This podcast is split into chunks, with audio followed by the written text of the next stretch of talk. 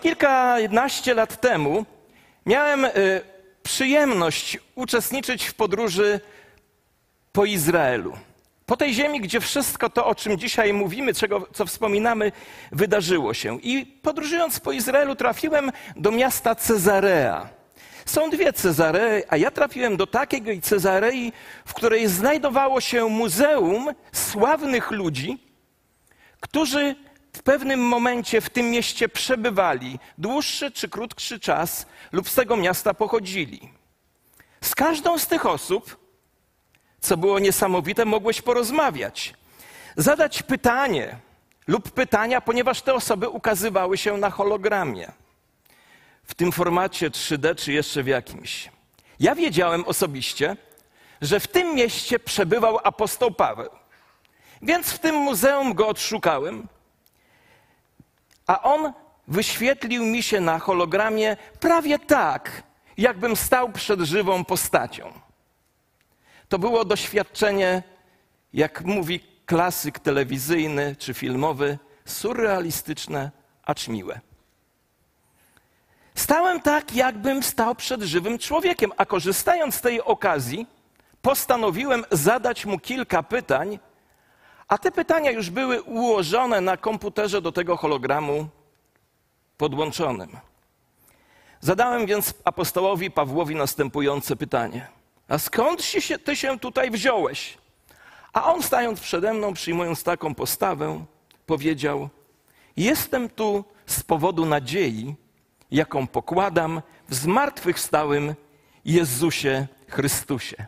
Jestem tutaj z powodu nadziei, jaką pokładam w zmartwychwstałym Jezusie Chrystusie.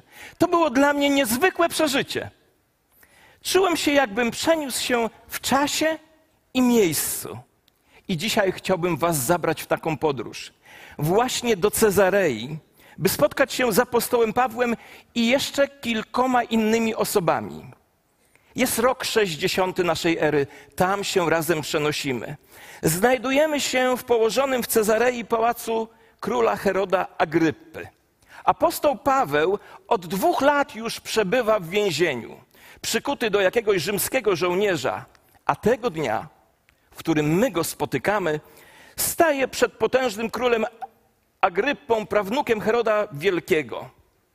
Sprawa Pawła została przedstawiona Agrypie przez Festusa, a Festus był rzymskim prokuratorem Judei, który przyznał, że nie rozumie zarzutów, jakie są stawiane Pawłowi i nie rozumie tego powodu, który sprawił, że siedzi w więzieniu, oczekując na skazanie.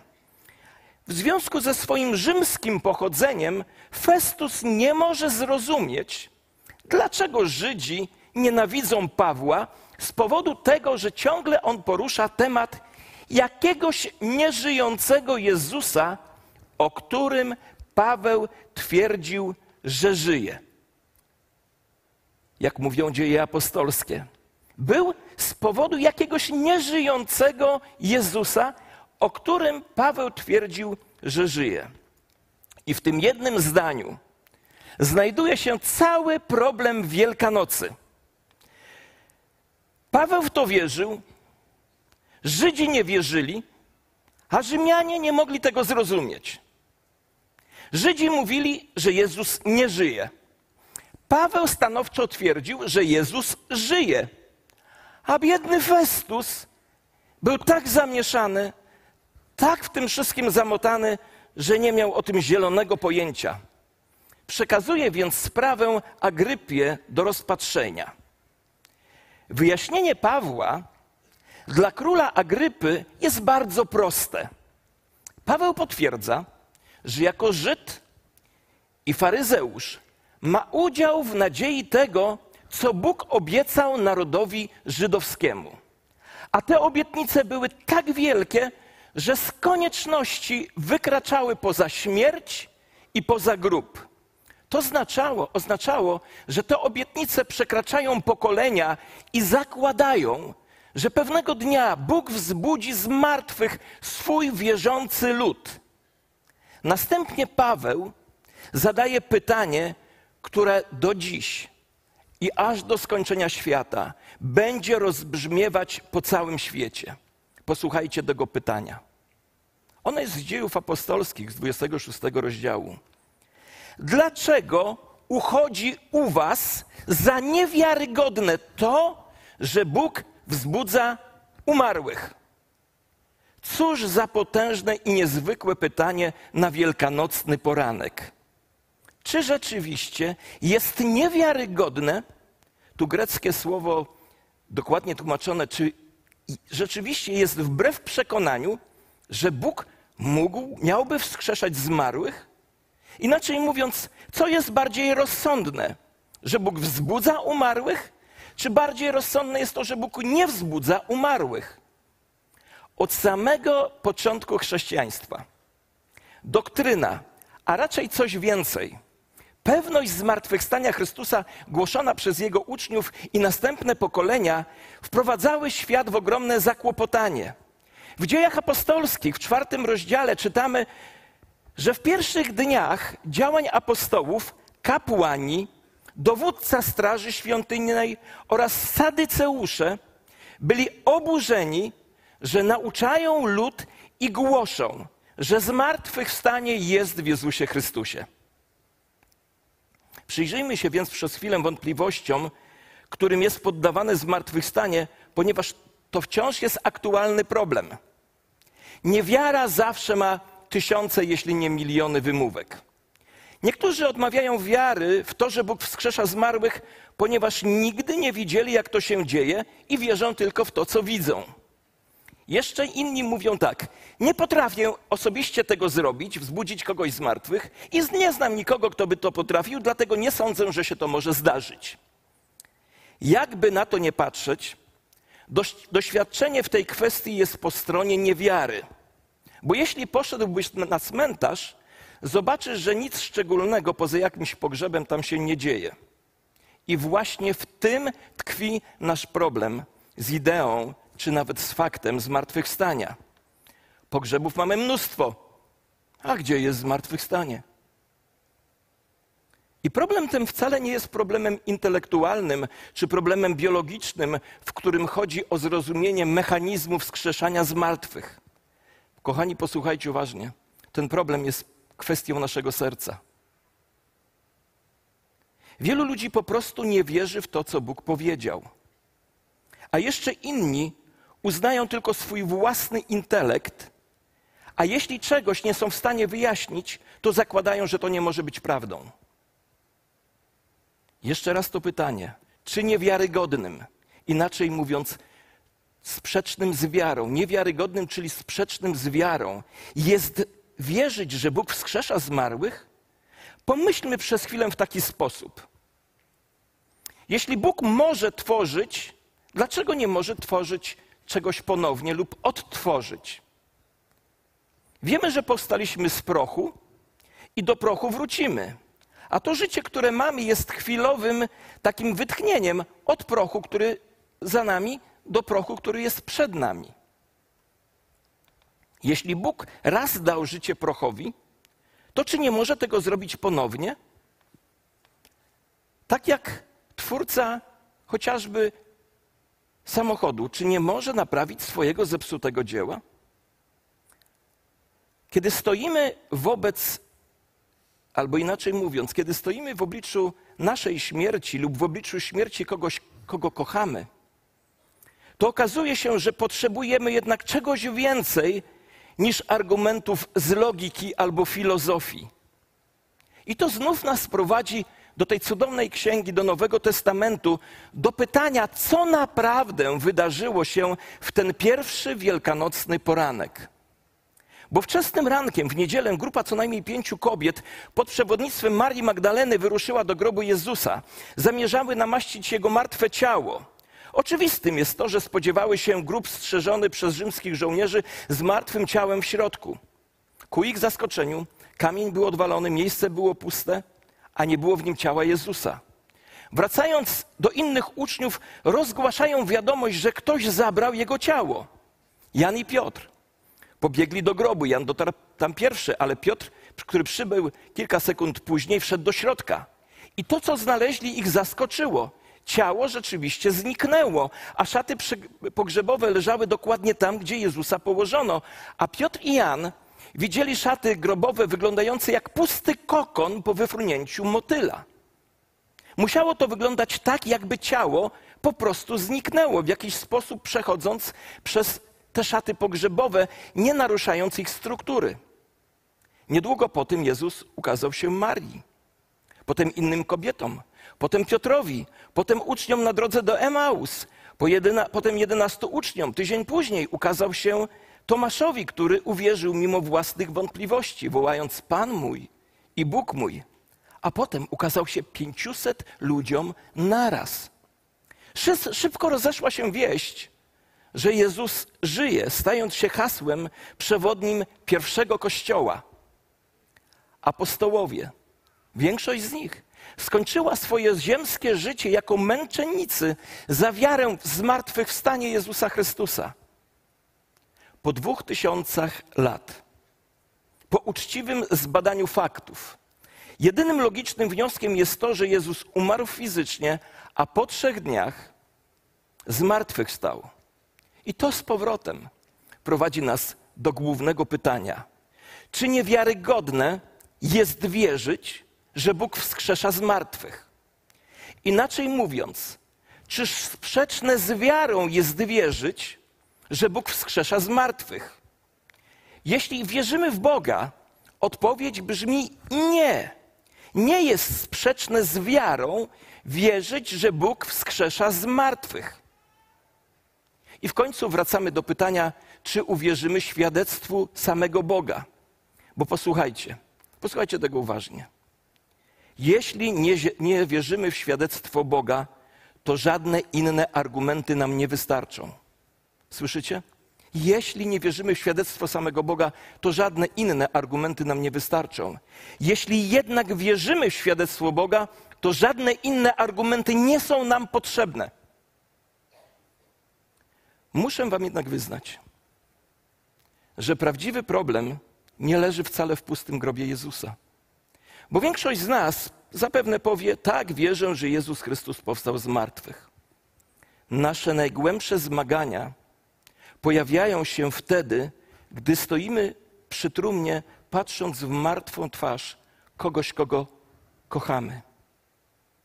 Wielu z nas zastanawia się w tym momencie, czy to możliwe, że zobaczę tę osobę raz jeszcze? Bo śmierć wydaje się taka ostateczna, a wszelkie statystyki są przeciwko zmartwychwstaniu. Każdy z nas w końcu umiera.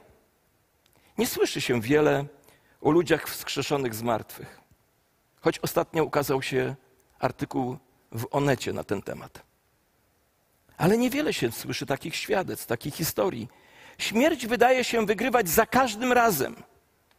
Jak więc poradzimy sobie wtedy z tym problemem? Jak więc poradzimy sobie z tym problemem? I oto moja odpowiedź, która składa się z kilku prostych stwierdzeń. Uznaj, że Bóg jest Bogiem. Przyznaj, że jest wszechmocny. Uznaj, że zna wszystkie rzeczy. Uznaj, że obiecał wskrzeszać z martwych. Uznaj, że wskrzesił swojego syna, Jezusa Chrystusa. A następnie rozważ następujące stwierdzenie. Jeśli Bóg może wzbudzić Jezusa z martwych, to znaczy, że może zrobić wszystko.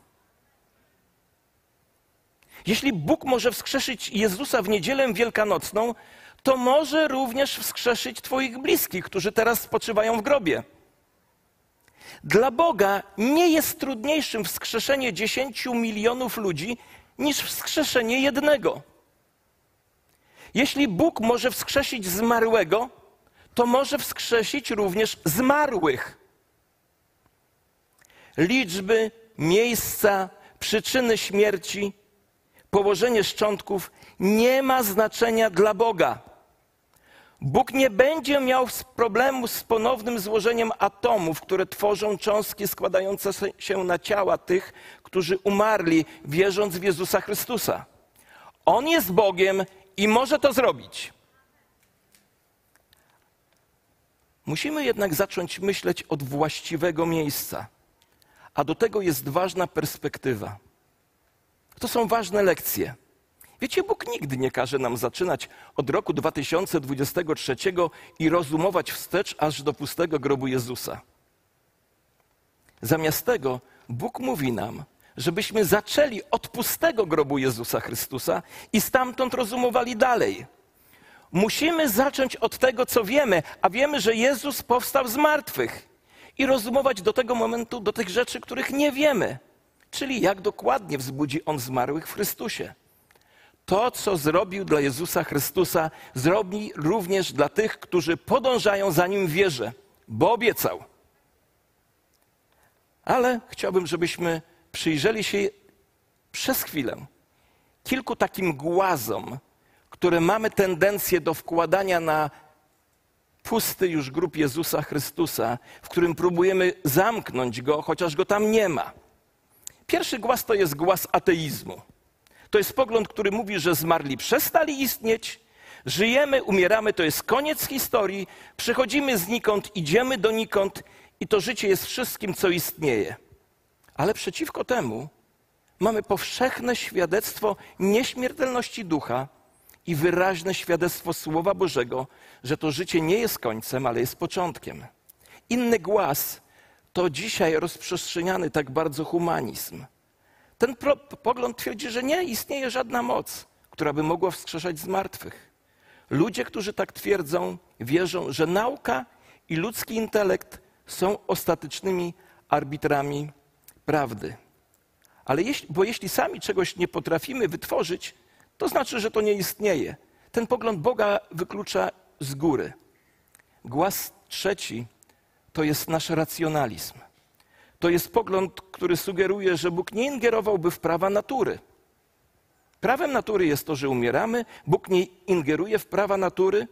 Ten pogląd zakłada, że nawet jeśli Bóg istnieje, to nie jest zaangażowany w swoje stworzenie, a gdy wprawił już świat w ruch, to nie będzie, to już od tej pory nie interweniuje. Ale to jest sprzeczne ze wszystkim, co Biblia mówi o Bogu. On nie tylko ustanowił wszechświat, ale także podtrzymuje go swoim potężnym słowem. A jedynym powodem do istnienia tak zwanych praw natury jest to, że Bóg je ustanowił. Ponieważ jest on najwyższym prawodawcą, może też chwilowo zawiesić prawo śmierci, prawo rozkładu i zastąpić je wyższymi prawami dotyczącymi zmartwychwstania. Jeśli Bóg jest Bogiem, to musi być to prawdą. I ostatni głaz to głaz liberalizmu. A pogląd ten głosi, że Bóg nigdzie nie obiecuje zmartwychwstania. I że zmartwychwstanie Jezusa to jest wymysł pierwszego kościoła, aby wyjaśnić jego śmierć.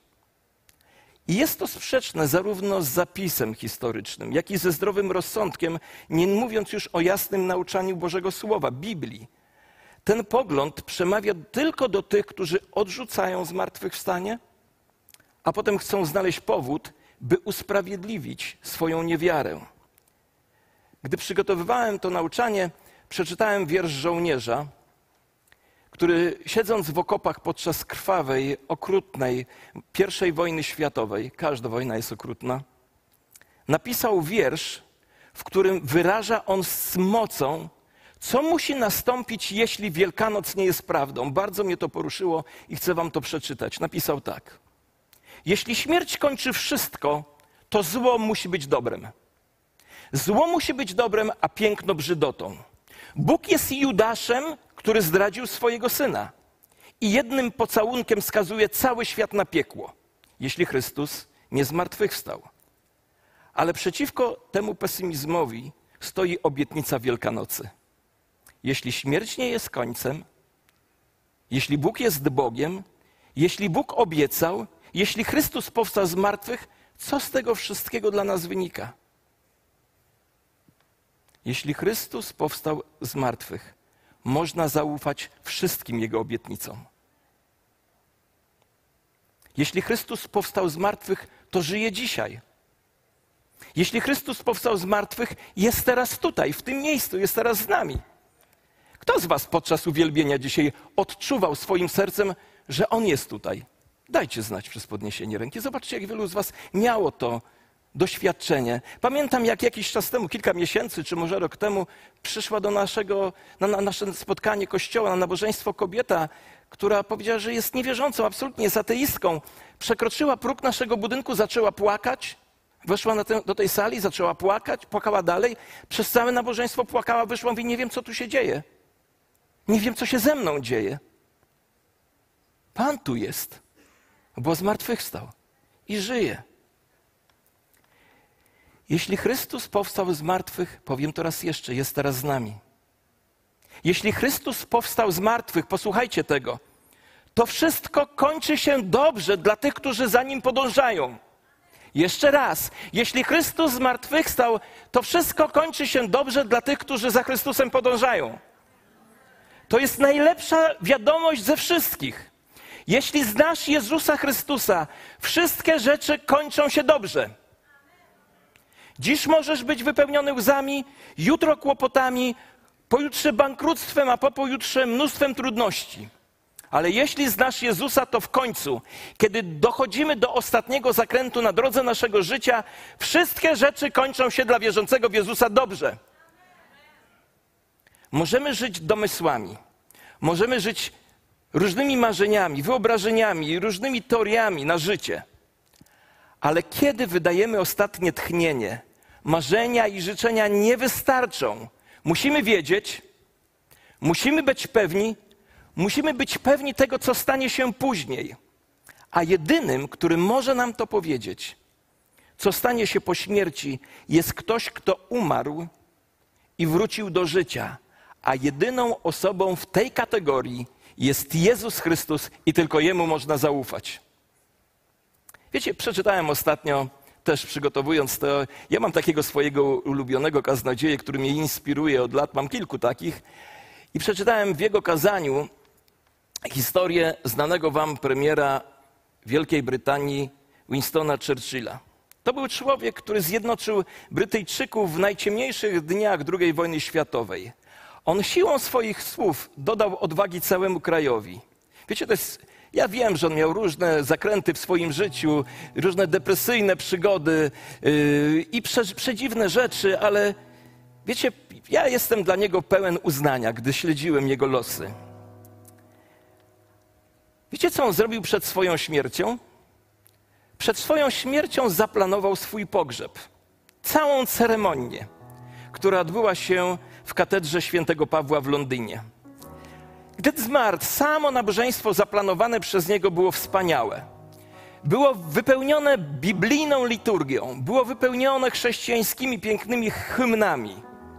I w trakcie wypowiadania słów błogosławieństwa, niewidoczny hejnalista, który stał z jednej strony kopuły tej katedry, zaczął grać tradycyjną melodię sygnalizującą koniec dnia lub śmierć żołnierza. A gdy żałobne nuty tej pieśni ucichły, tej melodii ucichły, inny hejnalista, stojący po drugiej stronie kopuły tejże katedry, zaczął grać tradycyjną melodię sygnalizującą nadejście nowego dnia. Czas wstać, czas wstać, czas wstać, czas wstać rano. W ten sposób Winston Churchill chciał powiedzieć, że choć był martwy, wierzył, że przyjdzie mu wstać w dniu zmartwychwstania. W niedzielę wielkanocną rano Bóg zatrąbił i Jezus powstał z martwych. I dzięki temu wydarzeniu cmentarz jest tylko dla nas tymczasowym miejscem odpoczynku w naszej podróży do wieczności z Bogiem. I już naprawdę zakończenie. Jeśli macie problem ze zmartwychwstaniem, to zadajcie sobie pytanie, jaki macie problem ze zmartwychwstaniem? Dlaczego ktoś z Was, będących tu na sali czy przed ekranem, miałby uważać za niewiarygodne to, że Bóg wskrzeszać z martwych? Jeśli Bóg jest Bogiem, to może wskrzeszać z martwych. Zrobił to dla Jezusa, może to zrobić dla Ciebie.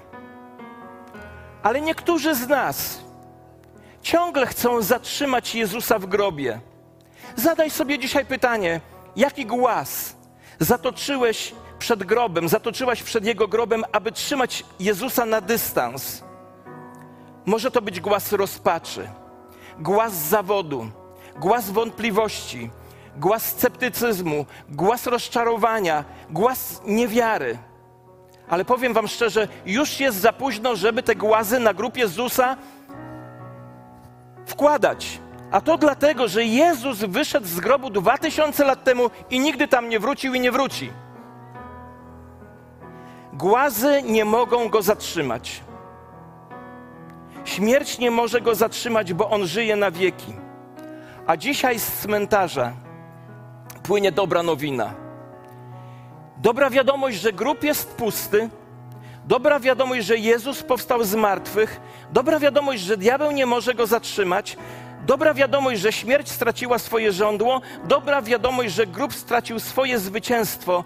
A lud Boży powinien się radować, ponieważ Chrystus Pan powstał z martwych. Chrystus z martwych stał. Chrystus was krys. Christ is risen. We wszystkich językach Chrystus żyje.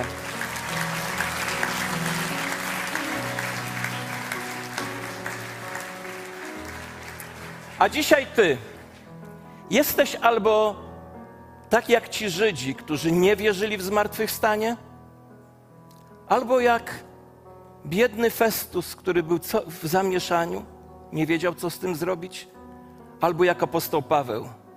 Ja wiem, że Jezus żyje. Kto z tych trzech reprezentuje dzisiaj Ciebie? Czy bliżsi są Tobie ci Żydzi, którzy nie uwierzyli? Czy może Festus, w którym jest zamieszanie, nie wie, co z tym zrobić? A może, jak apostoł Paweł, wiesz, że żyje i chcesz żyć dla Niego? Za dwa tygodnie będę obchodził swoją 37. rocznicę spotkania z Chrystusem. Odbyło się to w ciekawym dniu, 26 kwietnia 86 rok, czyli w okolicach awarii w Czarnobylu. Jechałem autobusem. Kilka miesięcy wcześniej pomodliłem się modlitwą, do której każdego zachęcam. A modlitwa ta brzmiała tak: Boże, jeśli jesteś, jeśli jesteś, to zmień moje życie. A wtedy w autobusie.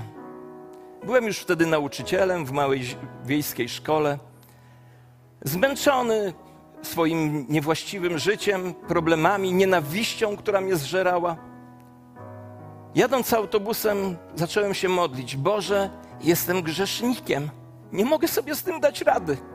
Powiedz mi, gdzie jest przebaczenie grzechów. I otworzyłem Biblię bo czytałem ją już pięć lat, choć nie wierzyłem w to, co tam jest napisane. Otworzyłem Biblię i zacząłem czytać, aż dotarłem do fragmentu, który powiedział Jezus. Czytacie Pisma Święte, bo, macie w nich życie, bo myślicie, że macie w nich życie, a one wszystkie świadczą o mnie. I przyszło jak to, jak objawienie. Wszystko świadczy o Jezusie Chrystusie. Pamiętam, to było tak silne, że wtedy w autobusie powiedziałem: Jeśli Ty umarłeś za mnie, ja będę żył dla Ciebie. Od 37 lat. Choć ja często nie dochowuję Jezusowi wierności, On jest obok mnie i zawsze jest wierny. Choć ja się często od Niego oddalam, On idzie za mną, ponieważ obiecał, że mnie nigdy nie zostawi ani nie opuści. Choć ja często nie dochowuję wiary, On zawsze jest wierny. Chcę Wam powiedzieć, Jezus nigdy mnie nie zawiódł, choć ja go wielokrotnie zawodziłem. A nie zawiódł mnie dlatego, że oddał swoje życie za mnie, zmartwychwstał dla mnie, dzisiaj żyje, żeby wstawiać się za mną, a jutro przyjdzie, żeby zabrać mnie do siebie i ma to dla każdego z nas, bo każdego chce mieć przy sobie. I to jest moc zmartwychwstania. Ta moc jest dzisiaj obecna tutaj. Może jeszcze raz to powiem, jesteś jak Żydzi. Nie wierzę w to. To zrób to, co ja zrobiłem. Boże, jeśli jesteś, jeśli to, co ten klecha mówił, jest prawdą, to ja chcę Ciebie poznać. A może jesteś jak Festus w zamieszaniu? Pochyl się nad Bożym Słowem. Powiedz, Boże, mów do mnie. Objaw mi Chrystusa, a On to zrobi. A jeśli wierzysz w Niego, to Chrystus umarł za Ciebie, zmartwychwstał dla Ciebie, aby resztę, abyś resztę tego dnia przeżył dla Niego. A wtedy Bóg będzie miał chwałę. Ty spełnione życie, a świat radość z tego, że jesteś w Jego rękach. Amen.